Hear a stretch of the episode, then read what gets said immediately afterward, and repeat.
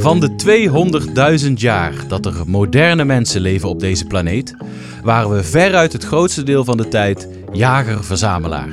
We leefden nomadisch. En pas 10.000 jaar geleden gingen we granen en groenten kweken en besloten we om op één plek te blijven. Ja, zaten we daar, maanden te wachten tot onze tarwe en bloemkolen eindelijk eens volgroeid waren. Hartstikke saai eigenlijk. Waar eerst iedere dag het avontuur lonkte, zaten we nu maar wat voor ons uit te staren. Nou heeft die verveling ons ook wel dingen opgeleverd hoor. We zijn bijvoorbeeld podcasts gaan maken. Dames en heren, welkom bij Luisterruit, de NS-podcast voor in de trein. Met mooie verhalen over één thema maken wij van jouw ritje in de trein een reis. Yes, ik ben Thijs en deze aflevering gaat over nomadenverlangen.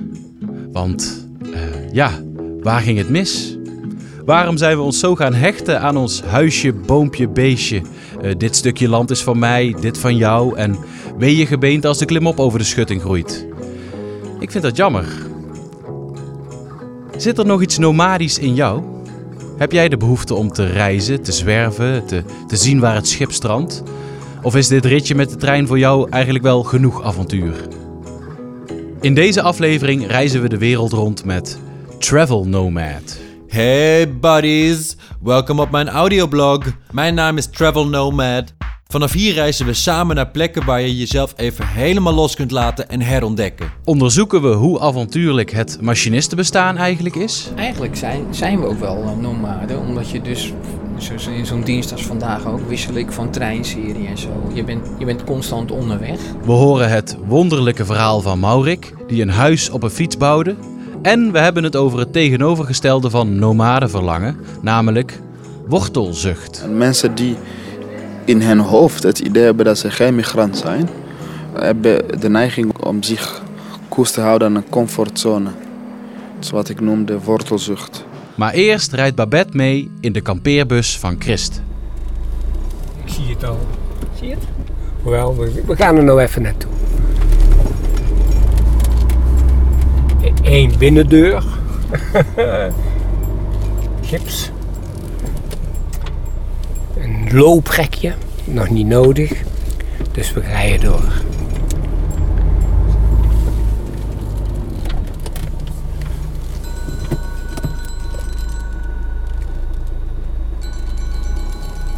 Omdat je nomadisch bent, reis je natuurlijk veel en zie je overal dat er dingen weggegooid worden en die laai ik dan in mijn kampeerbus. Want als het van hout is, dan denk ik, oh dat kan ik van de winter wel lekker in mijn kachel stoppen. Of als het uh, een plaat hout is, dan denk ik, oh dan kan ik wel een schilderij maken. Nou, nu komen we in het huisje waar een paar hoge bedden zijn met eronder natuurlijk de gebruikelijke dingen als brandhout en uh, heel veel spiegels heb ik, waardoor het kleine huisje heel groot wordt. En uh, ja, overal staan kaarsen. En, uh, ik ben Christ en ik ben opgezocht door journalist Babette om te vertellen over het nomadische aspect in mijn leven. ik ben 71. Ik studeerde antropologie. Zodoende ben ik eigenlijk uh, al reizende in Amerika op zoek naar een onderwerp om te bestuderen. Daar ben ik eigenlijk beginnen te reizen. En dat ben ik permanent blijven doen eigenlijk. Ja. ik heb altijd wel zo'n vrij leven gewild. Natuurlijk is vrij een beetje gek woord. Want vrij is niet zo vrij als je gewoon wel een plek moet vinden waar je moet poepen s ochtends. En uh, vrij is uh, niet zo vrij als je uh, water moet hebben om je koffie te zetten. Of een plek moet hebben waar je legaal mag slapen. En dan kun je in een kampeerbus wonen. Maar dan nog moet je kijken van waar je kunt staan, zodat niet een, uh, als je in een natuurgebied staat, word je door de boswachter eruit gehaald. Als je in de buurt van een bebouwing gaat staan, dan denken ze dat er dieven en criminelen in de bus zitten. Ja, het is altijd, eh, het is een beetje moeilijk om daar, daar te gaan staan waar je ook eh, de nacht gewoon mag blijven pitten. En niet wakker gemaakt wordt door agenten die zeggen van ja, dit mag echt niet. En, eh, want we moeten allemaal in een huis wonen en we moeten allemaal gewoon braaf betalen om te mogen wonen. En uh, ja, daar is het nomadendom natuurlijk niet een steunpilaar van. Ik heb geen elektriciteit, dus er is weinig amusement aan tv en Netflix en dat soort dingen. Dus ik lig vroeg in bed. Met als gevolg dat ik ook vroeg eruit ben. En dan maak ik het licht worden van de wereld mee. En dan uh, steek ik de kachel aan en drink koffie. Ook heel belangrijk is droge lucifers. Dat zijn we die kleine dingen die erg onderschat worden. En dan een krantje aan.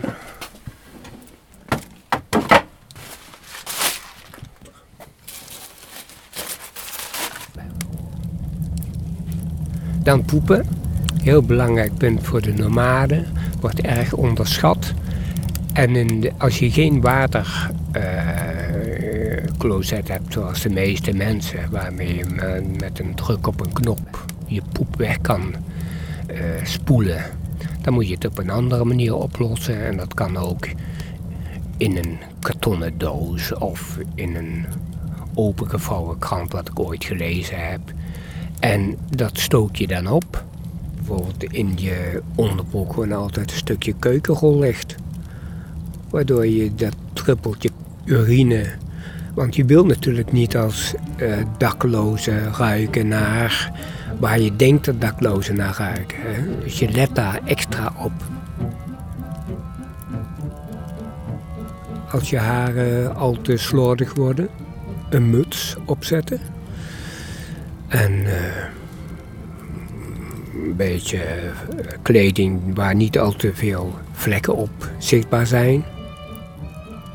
Mag ik vragen hoe je het dan doet met geld? Ja, ik heb uh, AOW. En dat is genoeg voor uh, ruim te leven. Ik, haal, ik krijg het, het groente afval van een winkel uit de buurt. En dat, uh, vroeger uh, voerde ik dat op aan de beesten, maar tegenwoordig is het meer voor mezelf. En, ja. Eigenlijk hoef je helemaal niks te doen. Dat is mijn filosofie. Je hoeft helemaal niks te doen. Ja, natuurlijk zijn er ook moeilijke momenten. Want moeilijke momenten die, die staan, bestaan bij de gratie van makkelijke momenten. Mijn vrouw die heeft hier een vaste stek uh, gevonden en die woont hier nog steeds. En uh, intussen ben ik natuurlijk heel wat andere wegen gegaan ook. Maar nu bijvoorbeeld heeft ze uh, darmkanker gekregen en hebben, hij heeft ze gevraagd of ik daarbij wil ondersteunen. En toen ben ik teruggekomen uit Zuid-Frankrijk en nu woon ik weer een tijdje hier om daarbij te assisteren. Ja.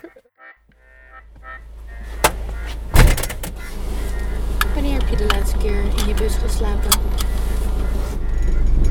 Een week geleden, denk ik. Ik heb uh, iemand verhuisd. En toen heb ik op parkeertrein in Winsum heb ik in de bus geslapen. Een tijdje, een paar weken. Vind ik, ik gezellig hoor, in de bus slapen. Ik vind het een knusse plek. Zo tegen, zo, ja, zo vertrouwd, zo bij het open raampje. Op een, op een andere plek met andere geluiden. Uh, dat het niet betrapt wordt, vind ik ook leuk. Wat nou als je ooit dan niet meer zo lekker kan lopen? Ja, of niet meer auto kan rijden, in dit geval nog belangrijker. Dan hoop ik dat ik een vriendin heb die mij rondrijdt. En als dat niet zo is? Dan sta ik stil. Maar ik denk dat het is, heel mijn leven is nog langs hele goede banen gegaan. Dus dit laatste moeilijke stukje zal ook wel heel goed gaan. Het is altijd beter geworden.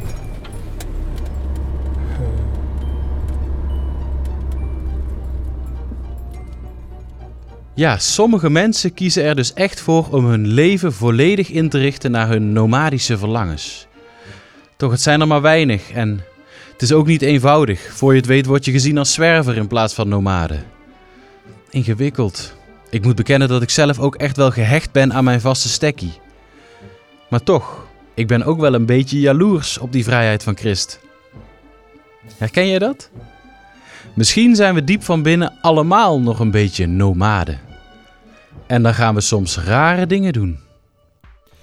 Hey buddies, welkom op mijn audioblog. Mijn naam is Travel Nomad. Vanaf hier reizen we samen naar plekken waar je jezelf even helemaal los kunt laten en herontdekken. Zodat jij straks ook kunt reizen en eindelijk uit je kleine bekrompen wereld kunt stappen, thuisblijvertje. Oké, we meeten locals, trekken door ongerepte wildernis en we duiken nieuwe culturen in. En natuurlijk tropische warme zeeën. Mm. Vandaag zijn we in een land dat langzaam aan erkenning wint, maar veel te lang in de schaduw heeft blijven staan. Thailand. Sommige Westelingen hebben eindelijk de weg naar dit heerlijke land gevonden. En je ziet meteen het verschil. Met de westerse toerist aan land zie je de omgeving opfleuren. Er wordt opgeruimd op straat, pizzaketens openen en ze beginnen eindelijk een beetje hun talen te leren. Pew! Want dat kleine hanky panky, daar begreep ik niks van hoor. Ik heb de afgelopen twee maanden hier al zoveel gedaan. My god. Bij een local markt geweest, echt bijzonder. Maar koop er niks hoor, van die vis kan je ziek worden. En ik heb gejetskied. Maar pas op, ze proberen hier overal te naaien. Die verkoper die vroeg eerst 200 baht. En dat is omgerekend zo bijna 5 euro. Ja doei, mooi niet. En dus heb ik afgedinkt naar 100 baht. Boom! 2,5 euro voor een uur jetskiën. Wow, daarom zijn we in Thailand. Wow! En ik wil jullie één ding laten horen. En dat is dat herkenbare geluid van de Thaise stad. Doe je ogen dicht en waan je ook even met mij in de Oriënt. Daar gaan we.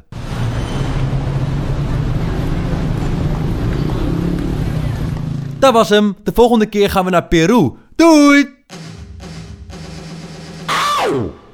Oh, eh. Oké, Travel Nomad. Tot later.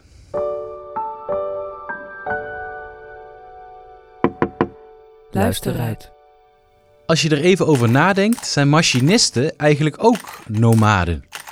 Heerlijk van oost naar west, van noord naar zuid, door alle seizoenen, onder de Hollandse wolkenluchten door, het landschap dat aan je voorbij zoeft. Onze Joost had daar in ieder geval allerlei romantische ideeën bij. Bij hoge uitzondering kreeg hij toestemming om een dagje mee te reizen in de cabine van machinist Jan Sas. We verlaten station Horen. Goedemiddag allemaal en uh, ook de reis ges- ingestapt. Voor mij is dit echt, we zijn eh, onderweg. Geldt dat voor u ook? Ja en nee, eh, het is eigenlijk een huiskamer voor me. Hè. Dit, is, dit is vertrouwd. Het wordt soms wel interessant als het afwijkend is. Hoe lang bent u al machinist? Eh, vanaf 1975, dus dat is, eh, ik ben met mijn 44ste jaar bezig. We hoorden net de conducteur zeggen dat deze trein naar Heerlen gaat. Maar u gaat niet naar Heerlen. Nee, ik ga niet naar Heren. Ik wissel af en toe. Kijk, die ganzen hadden mazzel.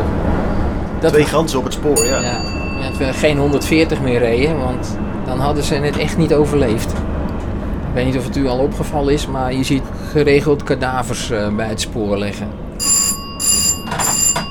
In mijn rooster eh, kom ik in, in Leeuwarden, ik kom in Enschede, ik kom in Roosendaal, in Eindhoven en Den Helder. Dus dat is eh, toch wel vrij gevarieerd. U bent blij dat u niet steeds hetzelfde rondje eh, rijdt? Ja, want dat is, eh, dat is echt slaapverwekkend hoor. Er is natuurlijk veel over te doen geweest. Zo eens in de zoveel tijd komt dat rondje om de kerk weer naar boven. Het, het rondje om de kerk eh, centreert mensen gewoon in een, in een klein gebied. Onder het motto dat ze dan eh, beter eh, be- behapbaar is om, om dingen te kunnen regelen. Beter controleerbaar Ja, eigenlijk. ja. Maar mensen, het wordt zo eentonig het werk, dat je op een gegeven moment dingen niet meer registreert. Je bent er al zo vaak geweest. En nu door de afwisseling en als je genoeg pauze tussendoor krijgt, kan je je gedachten ergens anders opzetten, zodat je beter geconcentreerd blijft werken. Eigenlijk zijn, zijn we ook wel eh, nomaden, omdat je dus, zoals in zo'n dienst als vandaag ook, wissel ik van treinserie en zo. Je bent, je bent constant onderweg. En maar eh, ja, met de motor, eh, ja, dan ben je ook onderweg. Alleen, Want u bent ook een motorrijder. ja, ik ben ook een motorrijder. Wat is het verschil tussen onderweg zijn op de motor en onderweg zijn op de trein? Ja, motorrijden geeft veel meer vrijheid hoor. Ook de ontberingen die erbij zitten. Zoals van het weekend was het koud in de Ardennen en sneeuwde het. Dat is mooi. Ontberingen leiden. Dat je even tot, even tot aan het gaatje gaat. Dat je weet wie je weer bent, eh, zeg maar. Dat geeft, geeft toch wel, eh, wel een kick. Nou, We gaan nu Amsterdam Centraal Station binnenrijden. En dat ziet er vanuit het vooruit iets anders uit dan vanuit de trein zelf. Kijkt u nog om u heen eigenlijk? Ja. Vaak als ik eh, ergens gereden heb en ik kom met de motor, dan denk ik, oh ja, dat ziet er zo uit vanuit de trein. Oh ja, ja hier ben ik al eens een keer geweest. Rijden met de trein is eigenlijk het najaar is het mooiste. Dan eh, als je richting Arnhem toe gaat, dan- dan rij je door de bossen heen en zo. En dan zijn de bossen fantastisch van kleur.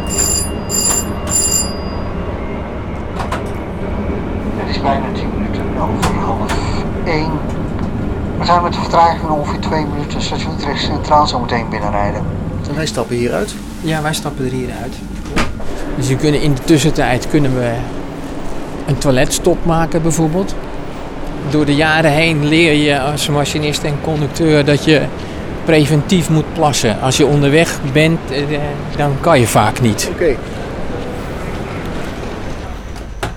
HC 11745 komt er dus in. H7 van de 7145, meester zeg het maar over. Verkeersleiding is ingelicht. eh, we kunnen elk moment eh, veilig krijgen. Er moest nog een trein binnenkomen over. Goed, wachten wij op. Bedankt meester. En zo, en nu hebben wij 10 minuten om hem aan de andere kant weer eh, bedrijfsgereed te maken. Denk je nog steeds dat we nomaden zijn? Als machinisten. Ja. Ik heb toch een andere associatie bij nomaden. ja. We reizen wel heel veel, maar het is heel structureel. Hè? Het is echt binnen bepaalde lijntjes eh, werken qua tijden en zo. En wanneer bent u thuis? Wanneer ben ik thuis? Ja, gewoon vanavond om 7 uur ben ik thuis.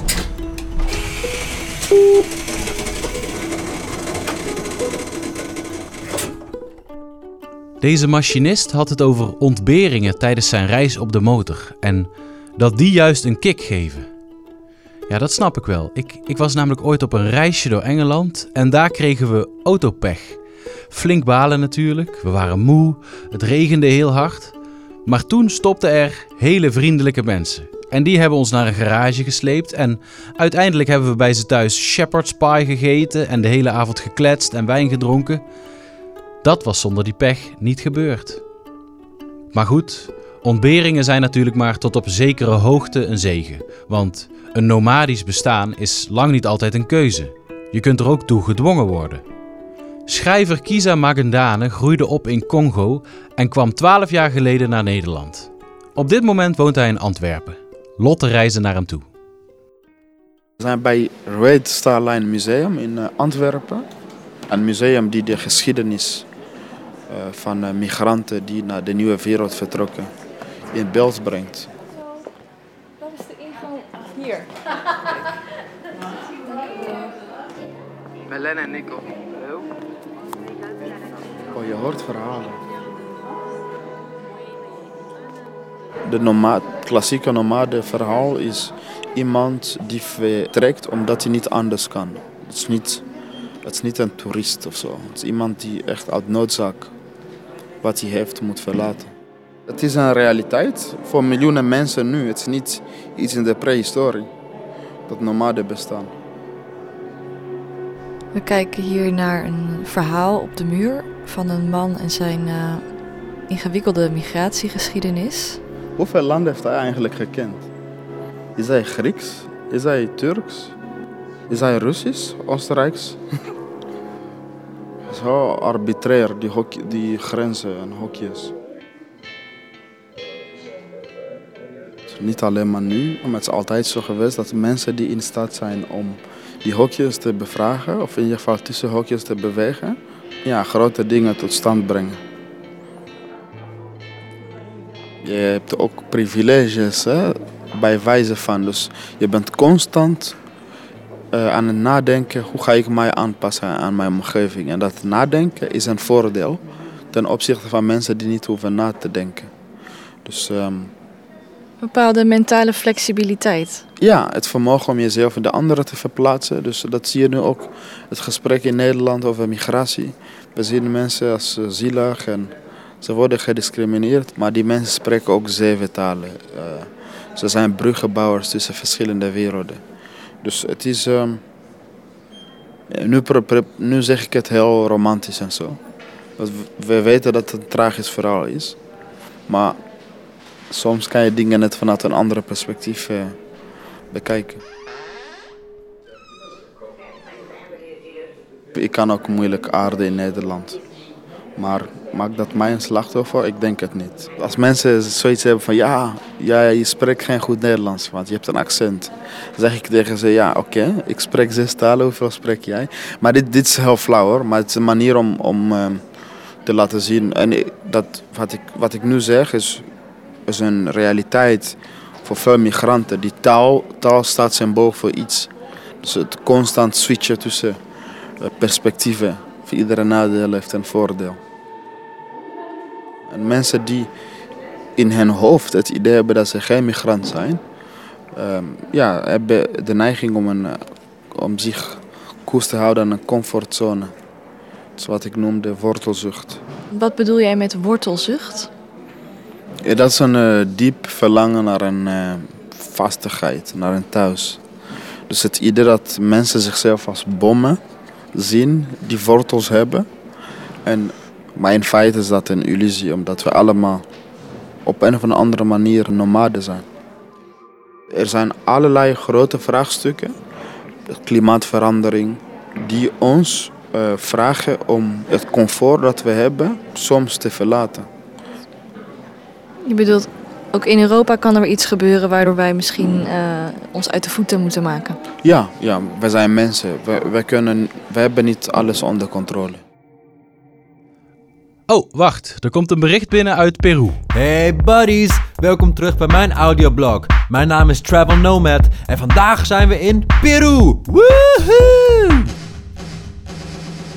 Auw!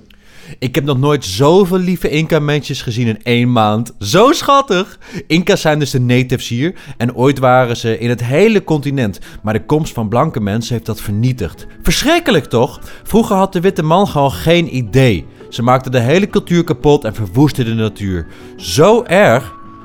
Ik ben vandaag op de Machu Picchu. De wat? De Machu Picchu, een berg in Peru met een eeuwenoud paleis. Zo indrukwekkend. Je moet er heel ver verlopen en klimmen, maar onderweg kom je dan wel allemaal coole locals tegen. Die overal schattige souvenirs verkopen en je voelt je echt alsof je weer 100 jaar terug in de tijd bent. Zo leuk! En als je dan boven bent, geloof je je ogen niet. Zo indrukwekkend. Maar omdat jullie nu luisteren, wil ik het even laten horen. Hier komt de Machu Picchu.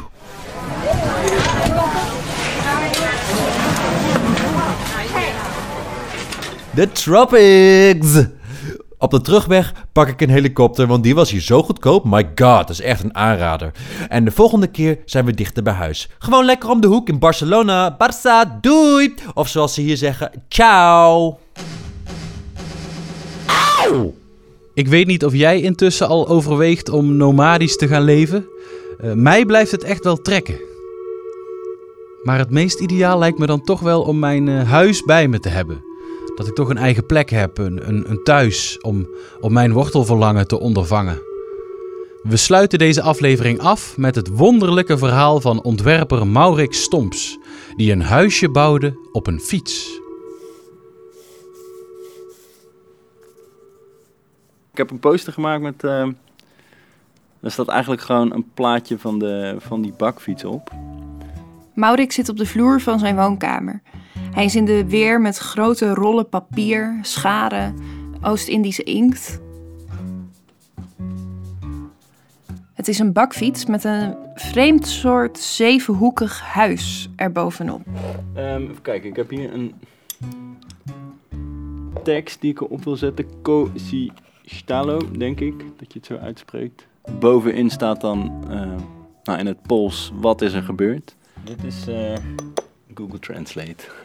ik weet ook niet of het dan correct is of zo. Die T en de L met een streepje erdoor, die lijken eigenlijk heel erg op elkaar. En ehm, onder de bakfiets staat, eh, staat mijn telefoonnummer. Hij is op zoek naar drie mensen die hij eigenlijk niet kent. Nou, het, het verhaal begon er eigenlijk mee dat ik, eh, dat ik onderzoek wilde doen naar het gebruik van, van publieke ruimte. En in hoeverre je als individu eh, een stukje ehm, stad kan toe-eigenen. En daarvoor ben ik een beetje gaan zoeken naar eh, een aantal mazen in de wet. Ja, ik wilde kijken of ik zelf invloed kon uitoefenen op hoe mijn straat eruit zag. Of ik kleine ingrepen kon doen. En onderdeel daarvan was eigenlijk dat ik wilde gaan kijken, kan ik een kan ik een klein gebouwtje neerzetten. En je mag natuurlijk niet zomaar een, uh, een gebouw neerzetten, want dat is, uh, daar moet je allerlei vergunningen voor hebben. toen ben ik gaan kijken en dan bleek dat je, ja, in Nederland mag je overal je fiets parkeren, in principe, zolang die niet in de weg staat. dus toen dacht ik, nou, dat is perfect, dan kan ik eigenlijk een gebouw maken. Zolang die maar op drie wielen staat, dan is het een bakfiets en dan mag je hem op de stoep parkeren. Dus Maurik begon te knutselen. Ik ben uh, eerst gaan testen. Ik had een, uh, eerst een, uh, gewoon een massief blok gemaakt, helemaal afgedekt. En daarna had ik een hele hoge muur gemaakt. En langzaamaan werd het eigenlijk steeds meer een soort van um, campertje. eigenlijk was dat een beetje het einde van dat onderzoek. Ik had dat gemaakt ik dacht van nou, het, het, het, antwoord was eigenlijk redelijk simpel. Van, kan je een, een huis op straat neerzetten? Ja, dat kan als je het uh, op drie wielen zet, dan is het een fiets. Dus dat was eigenlijk een beetje een, een, een saaie conclusie. Het werd eigenlijk pas interessant op het moment dat ik erachter kwam um, dat er mensen in zijn gaan wonen. Er sliep iemand in de bakfiets. Ik kreeg een foto van iemand doorgestuurd van een man die uh, uit mijn fiets aan het klimmen was. Moet je bedenken, we hebben het hier over een houten huisje van 1,40 meter bij 1,80 meter. Ja, daar kan je als volwassen man uh, nauwelijks rechtop in, uh, in liggen. Nou, hij zag er redelijk norm ja, normaal, wat heet normaal. Uh, het was gewoon een, uh, iemand die op straat zo tegen zou komen. Gewoon een, maar wel een beetje een soort uh, nomadisch of zo. Ik bedoel, iemand die zijn hele hebben en houden met zich mee zult. Dat is, maar dat had net zo goed een, een, toerist kunnen zijn. Maurik besloot contact te zoeken met de man. Nou, ik had een, een kartonnen briefje geschreven. Met hallo, welkom, fijne avond. En twee biertjes voor hem neergezet. En uh, de volgende ochtend uh, dan waren de biertjes weg en uh, stond er een soort van half weggeregend bericht onder wat ik amper kon lezen. En toen ik, ja, toen dat dan maar in Google Translate typte, kreeg ik, kreeg ik terug dat het Pools bleek te zijn. En er stond bedankt in het Pools, Dziękuję. De volgende dag legde hij weer een briefje neer. En de dag daarop weer. Er ontstond een briefwisseling. En op een gegeven moment viel hem op dat hij antwoord kreeg in verschillende handschriften. Ja, ik vond dat wel bijzonder. Er sliep s'nachts niet één, niet twee, maar drie verschillende mensen in dat huisje. Ik kon me ook niet helemaal voorstellen hoe ze dan daar lagen. En ik wist ook niet of het een man en een vrouw was of twee mannen. Elke keer dat Maurik een briefje neerlegde, veranderde hij ook iets kleins aan het huisje. De ene keer had hij een lampje voor ze gemaakt. De volgende keer een slot gemonteerd op de deur zodat ze hem konden afsluiten als ze gingen slapen. En uh, het grappige van het slot is, is dat het uh, vanaf dat moment stopte het eigenlijk met mijn fiets zijn en werd het uh, hun huis. Maurik staat op en loopt naar het raam. Even kijken, je hebt daar um, staat een soort elektriciteitskastje. rechts daarvan stond die, stond die fiets tegen de, tegen de muur aan. Ik heb een, een tafeltje die eigenlijk aan de andere kant stond. Die heb ik heb ik hier bij het raam gezet, zodat ik uh, hier gewoon aan tafel kon werken en af en toe kon kijken of er iets gebeurde. Dus een beetje, een beetje een voyeur was ik wel, denk ik. Ik zat te ontbijten bij mijn raam uh, en begon dat ding te bewegen. En toen kwam daar uh, de eerste pol uit en de tweede pol en later nog een derde pol. Dus ze woonden daar blijkbaar met z'n drieën, dus twee mannen en een vrouw. Um, ja, in dat piepkleine huisje. En um, ik weet nog steeds niet hoe, hoe dat gepast heeft. Ze maakten hun bed op en eh, ze, ruimden, ze ruimden op, ze maakten schoon. Het was echt een heel gezellig huisje geworden eigenlijk. Maar eh, ja, toen kwam de regen eraan. En ik zag, eh, ja, ik zag letterlijk de bui al hangen. Ik had ze gewaarschuwd met een briefje van... hey, gebruik deze siliconenkit om het dak waterdicht te maken. En dan, anders gaat het lekken. Maar ze hadden zelf eigenlijk een, een betere oplossing, vonden ze. De fiets was volledig ingepakt in een zeil. Maar met plastic zakken vastgebonden. Ehm, en het, het zag er een beetje troosteloos uit. En ik denk eh, dat ze op dit moment eigenlijk hun, hun eigen graf hadden gegraven.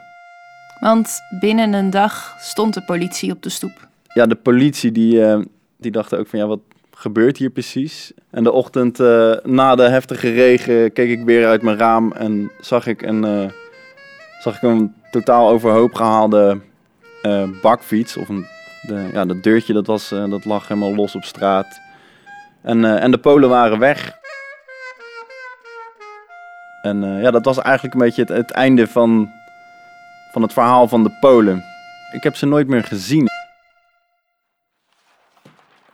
Nou, ik dacht eraan om een, een plaatje van die, eh, van die bakfiets of een schildering van die bakfiets eh, op een poster eh, op te plakken. Of gewoon op verschillende posters door de stad te hangen.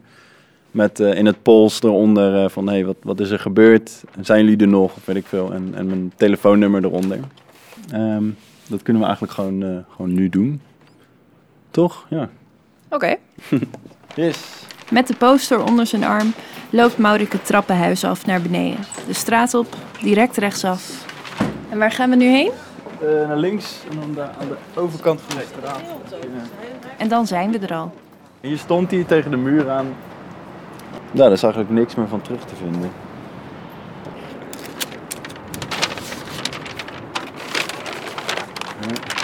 Oh, moet ik hem wel goed omplakken. nou, mooi. En nu is het afwachten. Zullen de Polen hem bellen? Zijn ze überhaupt nog in Rotterdam? Ik heb er ergens wel spijt van dat ik, dat ik niet eerder al naar ze toe ben gegaan om echt contact met ze te maken. En, ehm, en die mensen echt te leren kennen. Want nu zijn ze, ja, nu zijn ze opgepakt en eh, eh, weet ik niet meer waar ze zijn. Dus dat is, ik, ik kan nu niet meer vragen wat ze hier precies kwamen doen of hun kant van het verhaal echt goed uitlicht. Dus ik heb eigenlijk alleen maar letterlijk van bovenaf kunnen bekijken wat er, wat er gebeurde in die fiets. En eh, dat is wel echt jammer. Ik ben wel, ja, ik ben wel echt benieuwd wat er van ze is geworden. Volgens mij zijn we te hard doorgeslagen met die regelgevingen, die controle, dat toe-eigenen van land en huizen. En als we op vakantie gaan is alles al volledig uitgestippeld, all inclusive met een bus van hotel naar hotel. We proberen ieder risico uit te bannen. Weet je, als je het mij vraagt, hadden we 10.000 jaar geleden nooit op één plek moeten blijven plakken. Dus een tip van Thijs: ga eens op een vrije dag naar het station en neem een willekeurige trein. Stap over op een andere en dan nog eens en je ziet maar waar het schip strandt. Of de trein stopt. Dit was Luisteruit, een podcast van NS. Leuk dat je luisterde. Nieuwe afleveringen verschijnen iedere eerste maandag van de maand. De volgende gaat over eten. Hoe eet jij in de trein? Ik vind dat dus gedoe. Heb jij tips, gekke verhalen over eten onderweg of een goede vraag? Mail me dan vooral thijs.luisteruit.nl Je kunt je abonneren op deze podcast via Stitcher, Spotify of iTunes. En mocht je deze podcast nou mooi vinden, laat dan vooral een rating achter. Dan kunnen we nog meer mensen bereiken. Tot de volgende. Oh, en niet te vergeten, hier nog een laatste avontuur van Travel Nomad. Hey buddies, welkom terug bij mijn audioblog. Mijn naam is Travel Nomad en vandaag zijn we in Barcelona. Caramba! Guapo, Lionel Messi, woehoe! Heel eerlijk is Barcelona nooit mijn lievelingsplek geweest. Te druk, te massa, te veel toeristen. Het is de magie een beetje verloren, maar als je goed zoekt, dan kan je zelfs hier plekjes vinden waar je de echte local helemaal kunt tegenkomen en ontmoeten voor de Real España Experience. Zo heb ik vandaag een opname gemaakt die ik met jullie wil delen waar ik zo blij mee ben. Woe, dit is wat er gebeurde. Ik liep in een straatje ergens verscholen tussen de hoge bomen. De Rambla heette die voor de kenners. En ik liep me gewoon een beetje te vergapen aan de eindeloze kraampjes met lieve spulletjes. Toen ineens een hele grote groep locals mij tegemoet kwam in traditionele manier. En toen heb ik op record gedrukt. Oké, nou, komt-ie.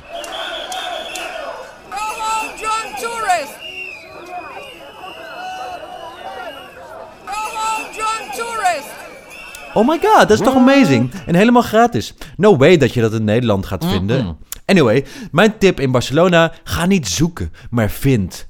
Tot volgende keer. Auw!